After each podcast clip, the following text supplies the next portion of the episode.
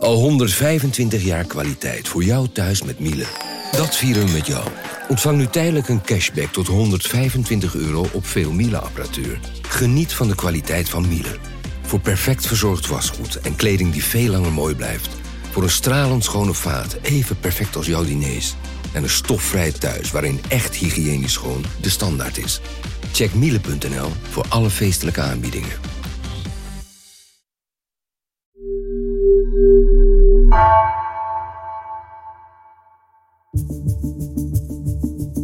Vanaf de redactie van NRC het verhaal van vandaag. Mijn naam is Floor Boon. In Nagorno-Karabakh ontaarde een eeuwenoud conflict afgelopen weken opnieuw in een bloedige oorlog. Azerbeidzjan veroverde het grensgebied terug op de Armeniërs, die het sinds de jaren 90 bezetten. Armenië, gesteund door Rusland, en Azerbeidzjan, gesteund door Turkije, sloten begin deze maand een overeenkomst, met Armenië als grote verliezer. Correspondent Eva Kakier was in de regio en zag hoe de Armenen het gebied uittrokken. En alles achter zich in brand staken.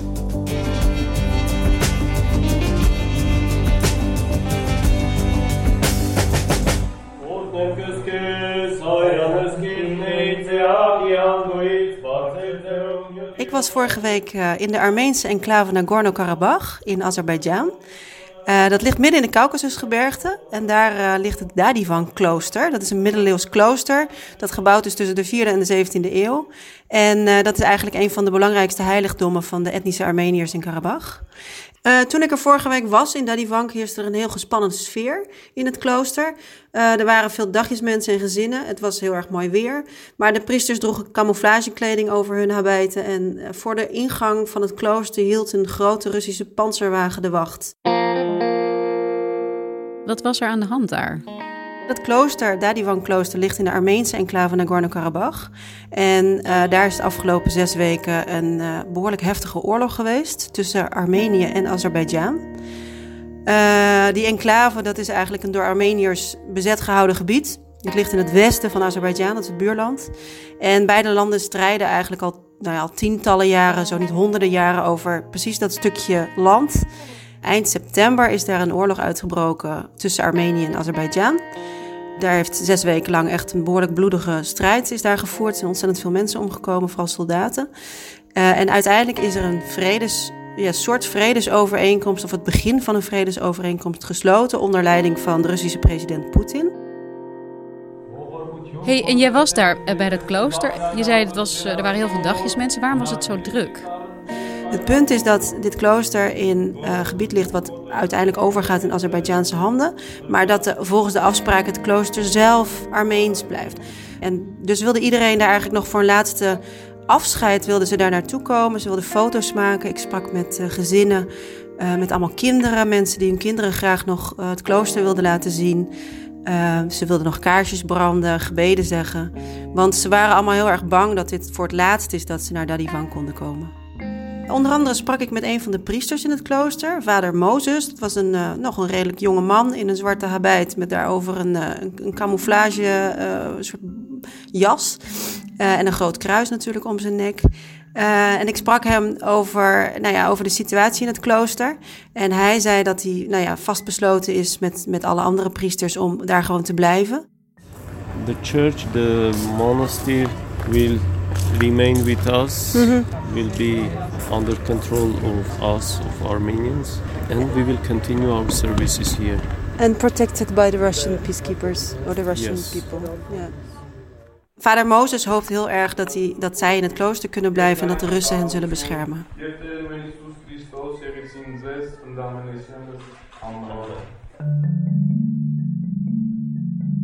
Kan jij even schetsen wat de achtergrond is van dit conflict? Hoe heeft het zover kunnen komen? Ja, het gebied dus waar we het over hebben, dat is Nagorno-Karabakh. Dat ligt tussen Azerbeidzjan en Armenië, zuidelijke Caucasus. Het is een heel strategisch gebied, uh, tussen, eigenlijk ingeklemd tussen Rusland, Turkije en Iran. Nou, het is echt een, uh, een heel klein stuk land. Uh, er wonen 150.000 etnische Armeniërs. Eigenlijk op de breuklijn tussen ja, Europa, het Midden-Oosten en twee zeeën, de Kaspische Zee en de Zwarte Zee. Om het conflict te begrijpen moeten we een heel eind terug in de tijd. Uh, begin jaren 20, toen werd de Sovjet-Unie gevormd door Lenin en door Stalin. En werd Nagorno-Karabakh werd onderdeel van de Sovjet-Republiek Azerbeidzjan. Uh, daar zijn de Armeniërs waren daar erg boos over, want die, die woonden daar voor een groot deel in de meerderheid in dat gebied. En die wilden graag dat uh, dat stukje Armeens zou worden. De Sovjet-Unie begon eind jaren 80 te wankelen. En uh, Armenië was eigenlijk een van de eerste republieken die onafhankelijkheid wilde van Moskou. En tegelijkertijd eisten etnische Armeniërs die eisten uh, controle terug over Nagorno-Karabakh. Dus ze zeiden: wij willen dat stukje land terug, want het is van ons en niet van Azerbeidzjan. En uiteindelijk is daar een, een bloedige oorlog uitgebroken. Dat was begin jaren 90. Um, en toen zijn de Armeniërs, die waren militair veel sterker dan de Azerbeidzjanen, die hebben de Azerbeidzjanen in het gebied, in Nagorno-Karabakh, met heel grof geweld uh, verjaagd. Dat, uiteindelijk zijn er zo'n 700.000 Azerbeidzjanen die zijn daar weggevlucht en um, ja, konden niet meer terug. En wat is de status van het gebied? Want we hebben het over een betwist gebied wat uh, tussen die twee landen ligt. Hoe wordt dat? Hè? Wat, is, wat is de officiële status van Nagorno-Karabakh? Dat is een goede vraag. Uh, Nagorno-Karabakh is in tijd uh, zeg maar illegaal door de Armeniërs bezet. En uh, hebben, ze hebben de onafhankelijkheid uitgeroepen, maar die wordt door helemaal niemand erkend. Geen enkel land in de wereld. Er is een soort status quo ontstaan um, met een enclave die in een ander land ligt, maar door niemand wordt erkend. Het gebied wisselt dus steeds van eigenaar en beide landen vinden dat het hen toebehoort. Um, het is officieel Azerbeidzjaans grondgebied, maar sinds de jaren 90 hebben de Armenen het bezet. En dat was de situatie tot een paar maanden geleden. Ja, dat klopt. Afgelopen september leidde het conflict op, op plotseling weer op. Eigenlijk had niemand had dat zien aankomen. heavy fighting between Armenia and Azerbaijan has continued for another day in the disputed region of Nagorno-Karabakh. Uh, this is Stepanakert, uh, the capital of Nagorno-Karabakh, coming under attack. We're told uh, there were heavy casualties and that civilians have been bussed out of the city. On the front line, Armenia says it is bombarding Azeri forces and winning what both sides are calling a war. En die heeft zes weken geduurd. The last time they fought a full war was in the early 1990s after the collapse of the Soviet Union. 30,000 people were killed. En hoe, is die, hoe zijn die machtsverhoudingen in de loop der jaren veranderd? Want de Armenen hebben dat toen der tijd um, veroverd, zei je, door militair overwicht. Uh, hoe heeft Azerbeidzjan zich in de tussentijd ontwikkeld? Uh, de Armeniërs dachten eigenlijk vanaf de jaren negentig dat ze de oorlog hadden gewonnen. Uh, dat, uh, dat ze de Nagorno-Karabakh was van hun. er was een soort, ja, toch een soort idee van onoverwinnelijkheid bij de Armeniërs. en, en de zaak is eigenlijk gewoon gesloten. De Azerbeidzjanen dachten daar natuurlijk heel anders over, want zij waren een groot deel van het gebied kwijt. Ze hadden honderdduizenden um, ontheemden um, en vluchtelingen. En heeft eigenlijk de afgelopen jaren zich juist heel erg voorbereid op een soort beslissende strijd. waarin ze dan toch nog Nagorno-Karabakh, wat in hun land ligt, uh, terug wilden veroveren. Azerbeidzjan is een heel erg rijk land. Uh, het heeft ontzettend veel olie. maar ook een hele machtige bondgenoot en dat is Turkije. Uh, Armenië heeft ook onderschat, en niet alleen Armenië, maar internationaal denk ik, iedereen heeft onderschat op welke manier de Azerbeidzjanen zich de afgelopen jaren hebben bewapend. You can hear the sound of a drone. Soldiers desperately try to shoot it down.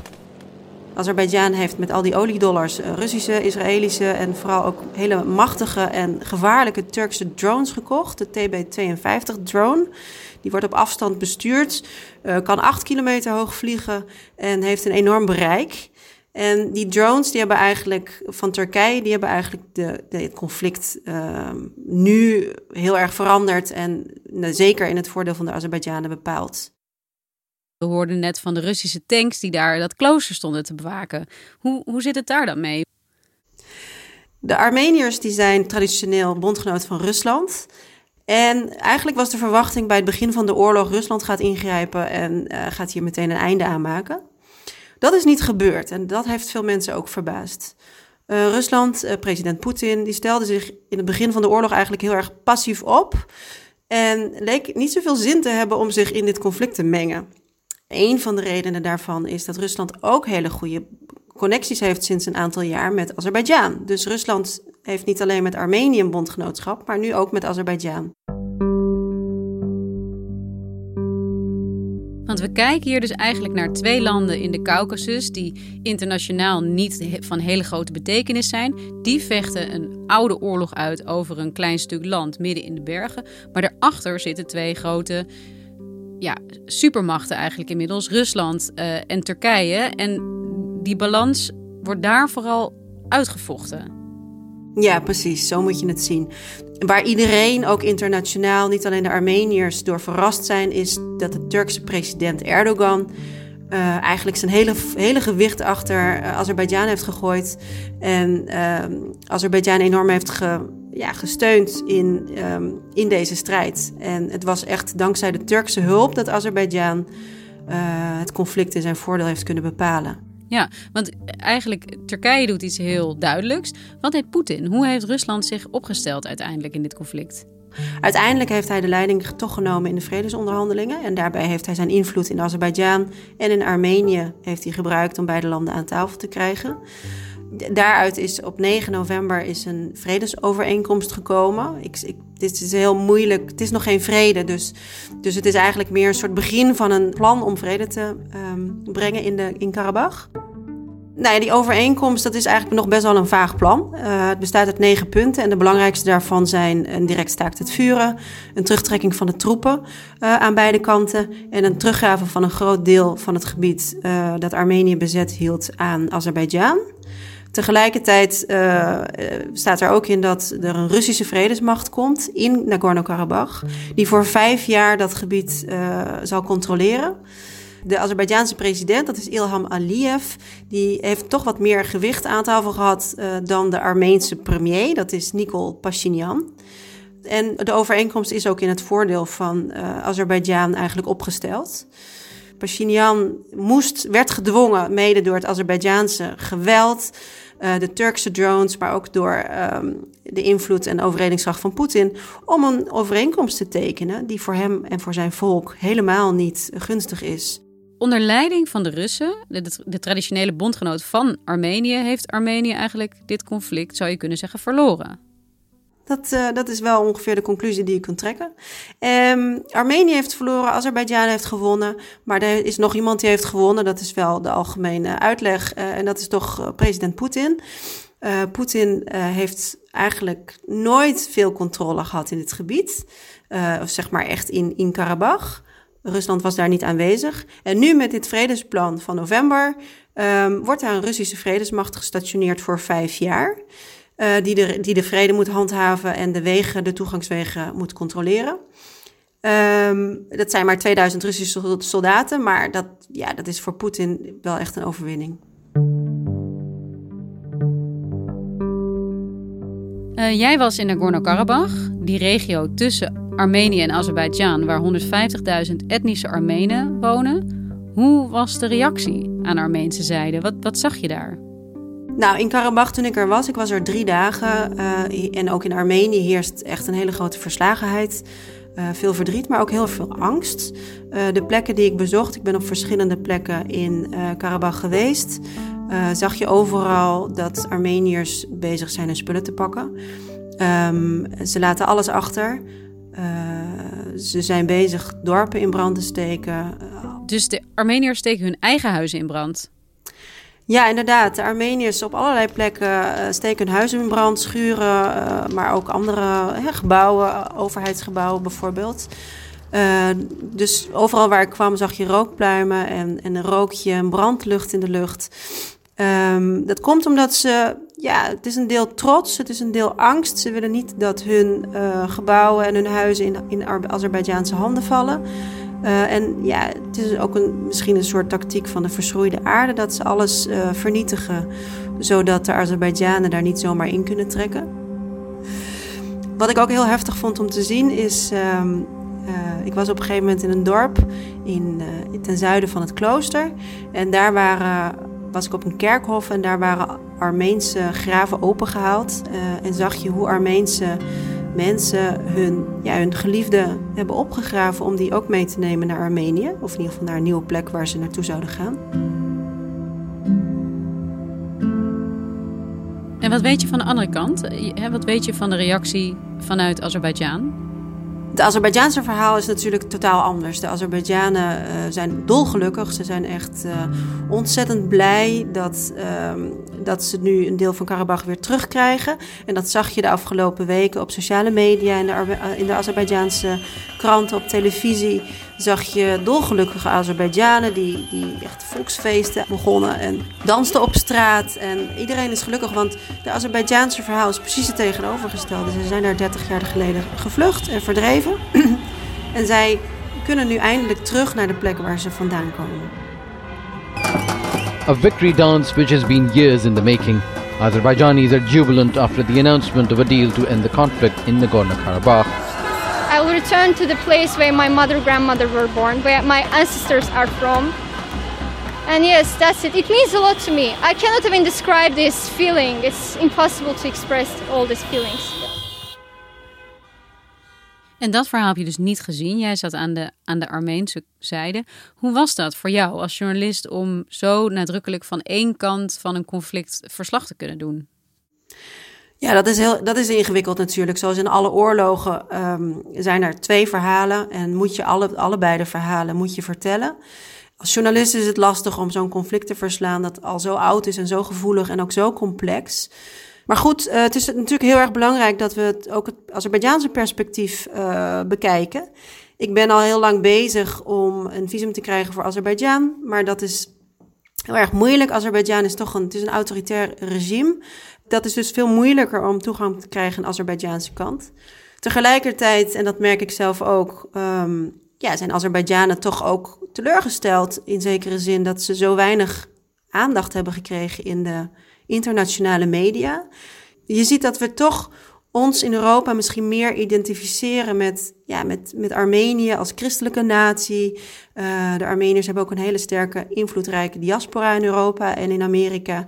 En dat dat toch maakt dat de Armeniërs um, misschien meer als slachtoffer in het nieuws uh, komen dan de Azerbeidzjanen.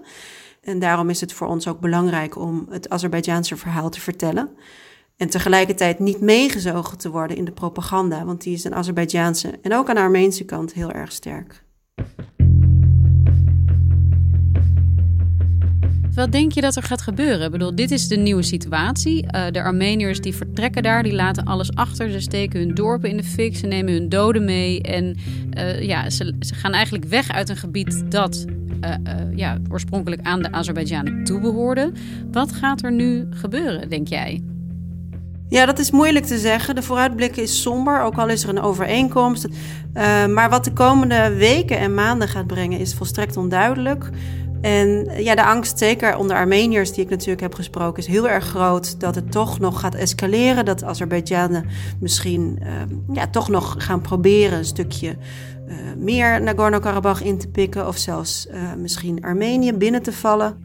Ja, denk, bestaat die kans dat Azerbeidzjan nu zijn kans schoon ziet en ook echt Armeens grondgebied gaat aanvallen? Uh, op, op sociale media circuleren filmpjes die ik weliswaar op dit moment niet kan verifiëren. Maar um, echt met verschrikkelijke martelingen, onthoofdingen en, en uh, allerlei uh, echt vrede misdaden. En de militaire macht is zo overweldigend geweest dat het er toch niet helemaal op lijkt dat dit snel nu zeg maar dat het conflict een einde is. Dus de vrede die er nu is, is fragiel en de toekomst is ook nog steeds ongewis daarmee. Ja, absoluut. Uh, kijk, dit conflict gaat zo ver terug. De emoties zijn zo hoog. Het verdriet en uh, wraakgevoelens aan beide kanten zitten zo diep dat uh, nu met deze overeenkomst de vrede absoluut niet verzekerd is. En uh, dat de komende weken, maanden, jaren moet blijken of Karabach uh, nu op deze manier verdeeld blijft of dat het toch weer een oorlog wordt. Dan horen we misschien snel weer van je binnenkort. Hopelijk ook vanuit de Azerbeidzjaanse zijde. Ik hoop ook dat uh, zeker dat ik naar de Azerbeidzjaanse kant kan om hun verhaal te vertellen. Maar laten we in ieder geval hopen dat het voorlopig daar nu rustig blijft. Ja, dankjewel Eva en doe voorzichtig. Dankjewel Floor.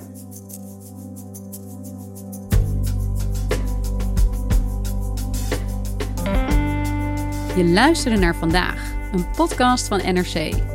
Eén verhaal, elke dag. Deze aflevering werd gemaakt door Misha Melita en Astrid Cornelissen. Chef van de audioredactie is Anne Moraal. Dit was vandaag. Morgen weer.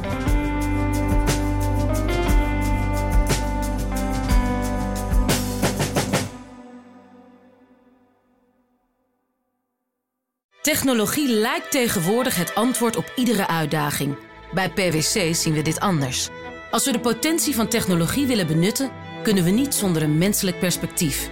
Human-led, tech-powered noemen we dat. Ga naar pwc.nl.